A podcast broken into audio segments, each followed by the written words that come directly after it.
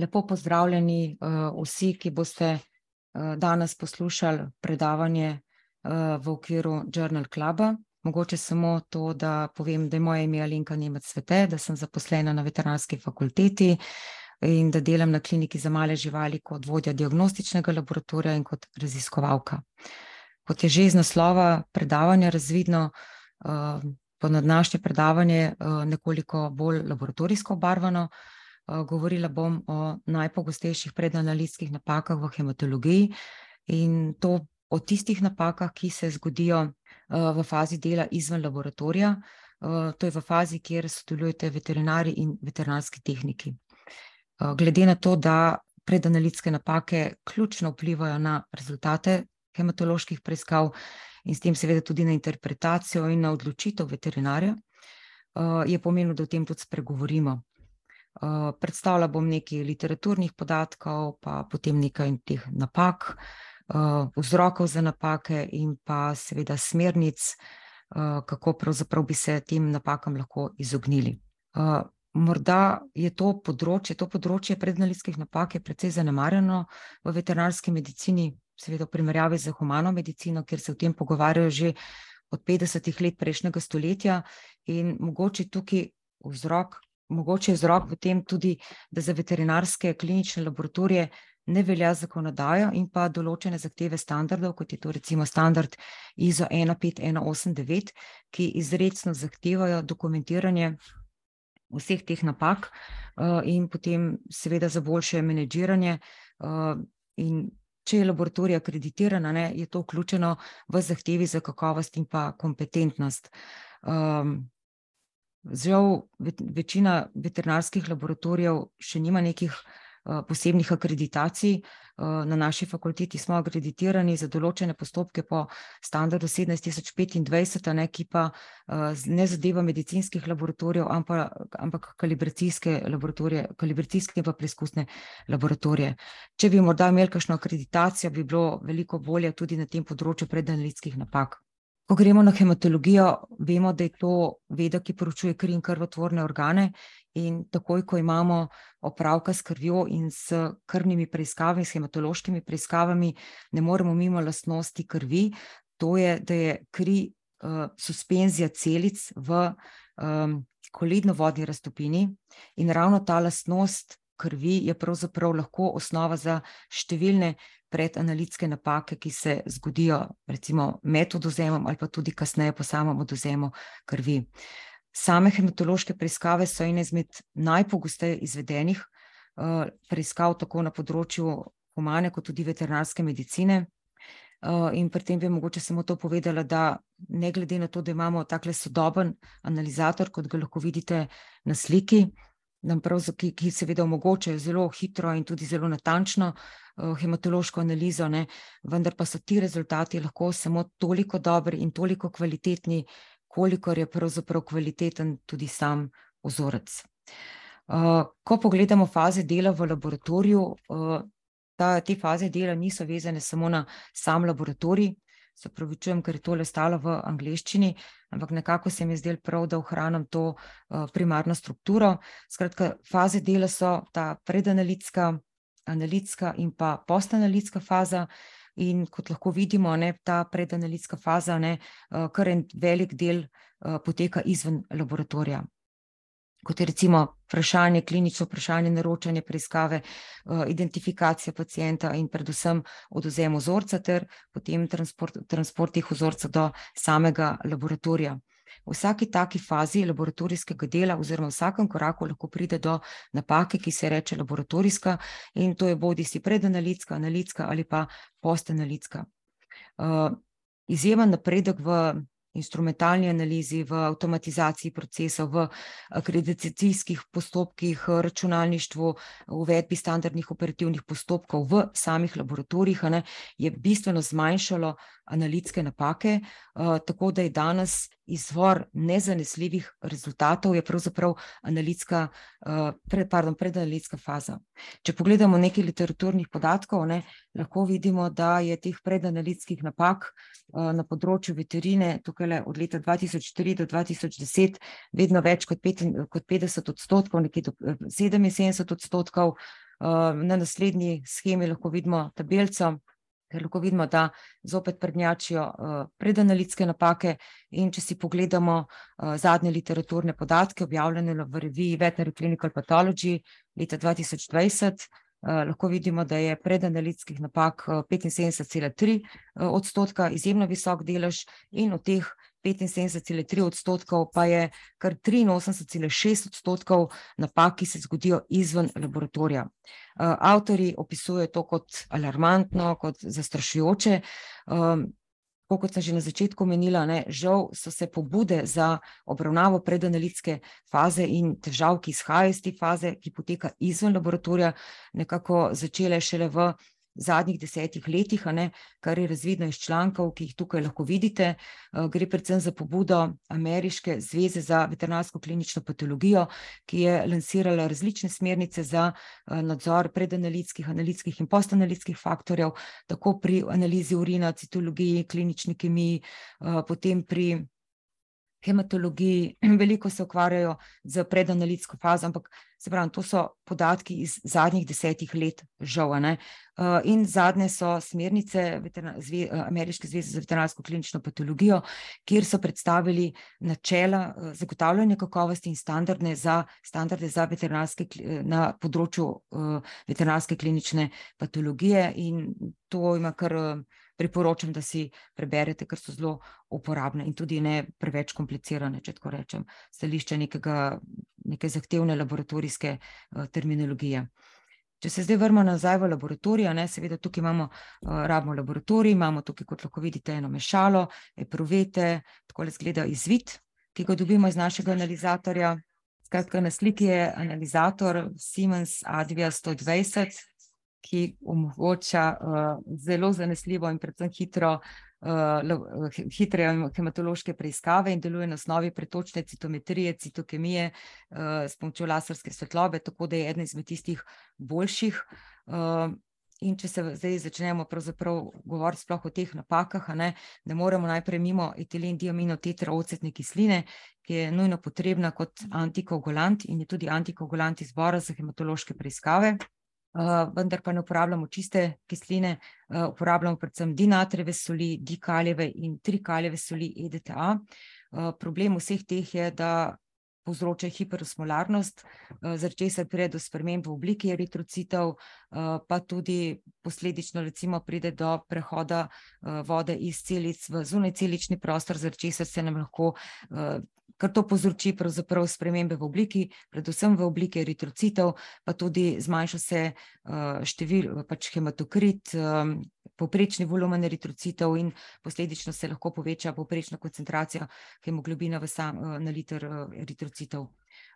EDTA ima že, kot lahko vidimo na tem slajdu, ne, predpisana koncentracija za NAdva EDTA je od ena cela štiri do dva cela nič miligrama EDTA na mililiter, za Kdva in Ktri EDTA pa ena pa pol do dva cela dva miligrama EDTA na mililiter.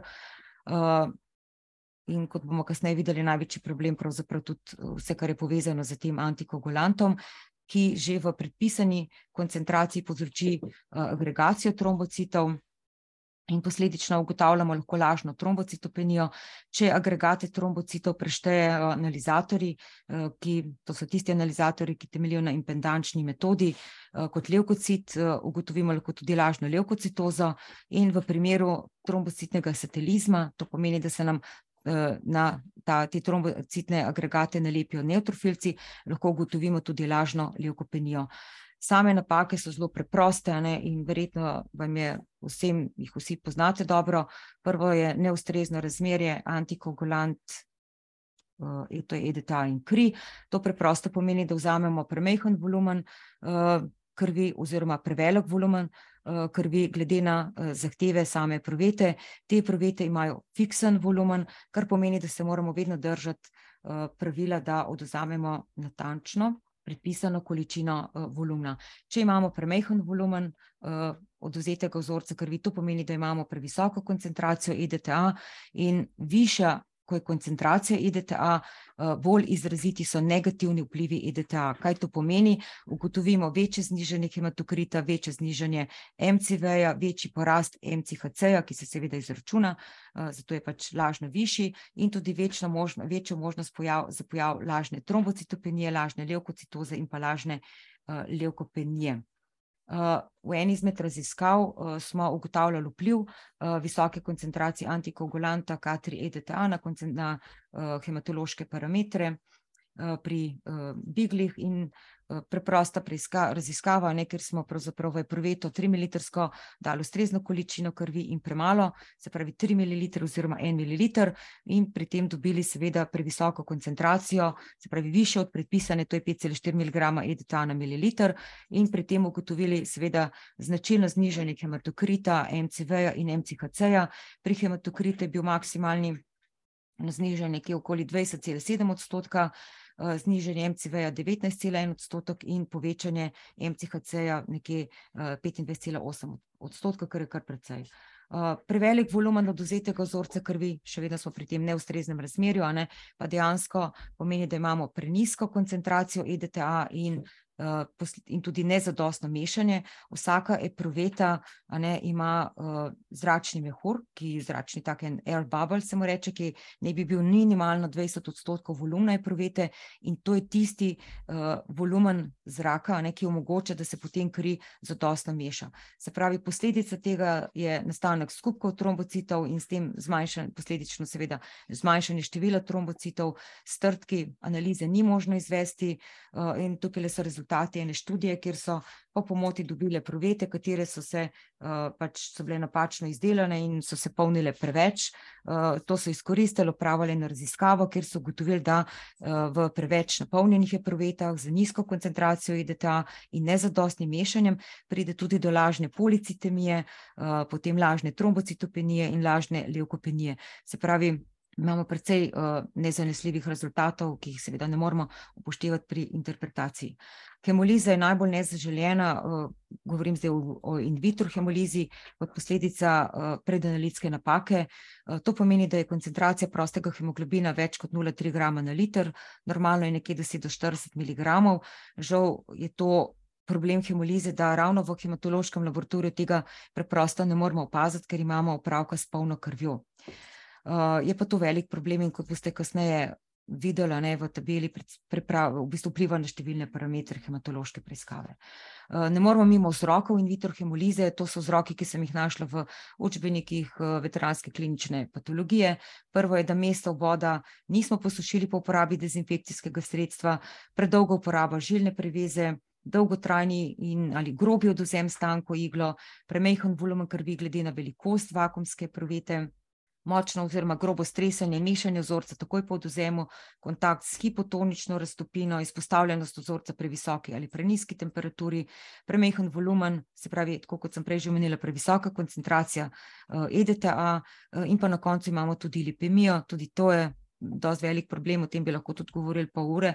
Uh, tudi ta, ta, namreč ta eksogeni lipidi destabilizirajo membrano eritrocito in posledično lahko pride seveda do hemolize. Uh, če pogledamo zdaj uh, vplive na posamezne parametre, uh, odloča se, da vzamemo eno tako tabelico iz članka, kjer so poročevali vpliv rahle hemolize in močne hemolize na parametre krvne slike in diferencialne bele krvne slike na aparatu, ki ga imamo tudi v našem laboratoriju, sicer to je neka uh, boljša različica. Ne? In če odmislimo vse te številke, ne, ker tega je res zelo veliko, pogledamo samo parametre, ki so obarvani ne, ki, in ki že pri rahli in seveda tudi pri močni hemolizi uh, tako spremenijo, tako vplivajo na rezultat, da ta vpliva na uh, klinično odločitev veterinarja oziroma tudi zdravnika. Ne?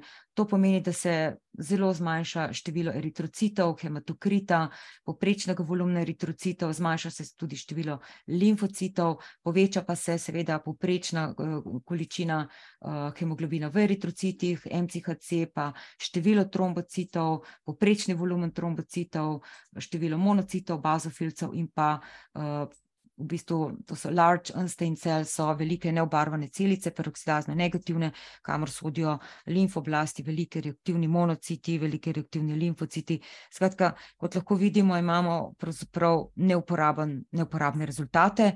Kako zaznati to uh, hemolizo v vzorcu, kjer ne vidimo, ne moramo videti hemolize, preverimo MCHC, če so te vrednosti izjemno visoke, kajti MCHC uh, nam to lahko nakazuje uh, pač, možnost prisotnosti hemolize. Ne? Vemo, da je pravzaprav se MCHC izračuna po formuli, kjer imamo celokupen hemoglobin in ta je lahko velik, po drugi strani je lahko seveda zelo visoka, ne? po drugi strani logično zaradi hemolize se zmanjša število eritrocitov in ta je v imenovalcu spodaj in dejansko eh, to vse skupaj rezultira v izjemno visoki vrednosti MCHC.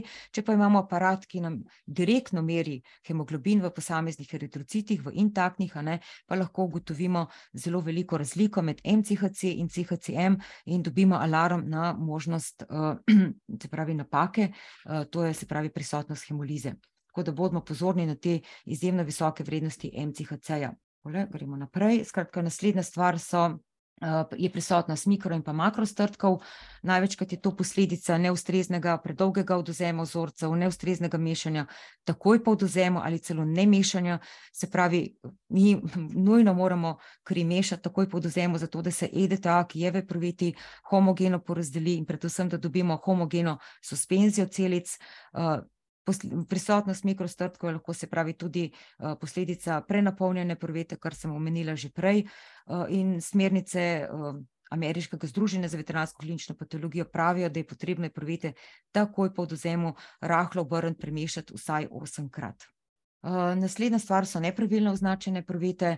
Tukaj laboratorijsko osebje ne more ugotoviti, da gre za napako, mišljeno pa je predvsem na kar se tiče nepravilno označenih, je prevetna identifikacijo.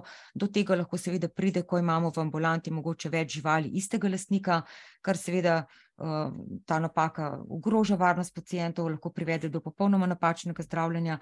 Uh, smernice pa nakazujejo in to tudi umenjajo, je prvete in napotnice vedno označimo uh, in seveda preverimo identifikacijo pred oduzemom krvi. In peta taka, bom rekla, predanalitska napaka je, da še dan danes, ne, kar je zelo nenavadno, ne, čudno, da še vedno dobimo v laboratoriju uh, take vzorce, kot lahko vidite na sliki. To pomeni, da ni nikjer nobene oznake, ne vemo, kaj to je, razen ko pogledamo na napotnico, pa še tam ne moramo, nismo sigurni. Uh, takle vzorec je pravzaprav eden izmed kriterijev za zavrnitev vzorcev, tako kot je tudi hemoliza in nekateri drugi. Smernice pa pravijo, da moramo na sami epruveti navesti ime lastnika, pacijenta, idealno dodati dva unikatna identifikatorja, kar pomeni recimo neko neponovljivo zaporedno upisno številko pacijenta, pa potem mogoče še kartotečno številko, datum, uro oduzema in predvsem ustrajajo na tem, da se na vsako epruveto, ne glede na to, da ni epruveto, vidimo po uh, neki barvi zamaška, vedno naj bi napisali tudi vrsto vzorca. Uh, in če naj samo še zaključim, um, zelo dolgo sem razmišljala, kakšni zaključki ne bi izhajali iz tega. Ne. Zaključki so pravzaprav zelo preprosti. Uh, držimo se navodil, to pomeni, da v epruvete z antikoagulantom, pa ni važno, bodi si to EDTA ali kakršen koli drug, vedno napolnimo epruvete do oznake, da zagotovimo ustrezno mešanje in da ne naredimo neustreznega razmerja antikoagulant kri. V primeru visokih koncentracij uh, se pravi vrednosti MCHC, vedno pomislimo, da je obstaja možnost hemolize in pomislimo na morebitne vzroke, do katerih bi lahko pač prišlo, uh, ki bi lahko povzročili nastanek hemolize in predvsem na posledice, ki jih ta hemoliza ima na rezultate.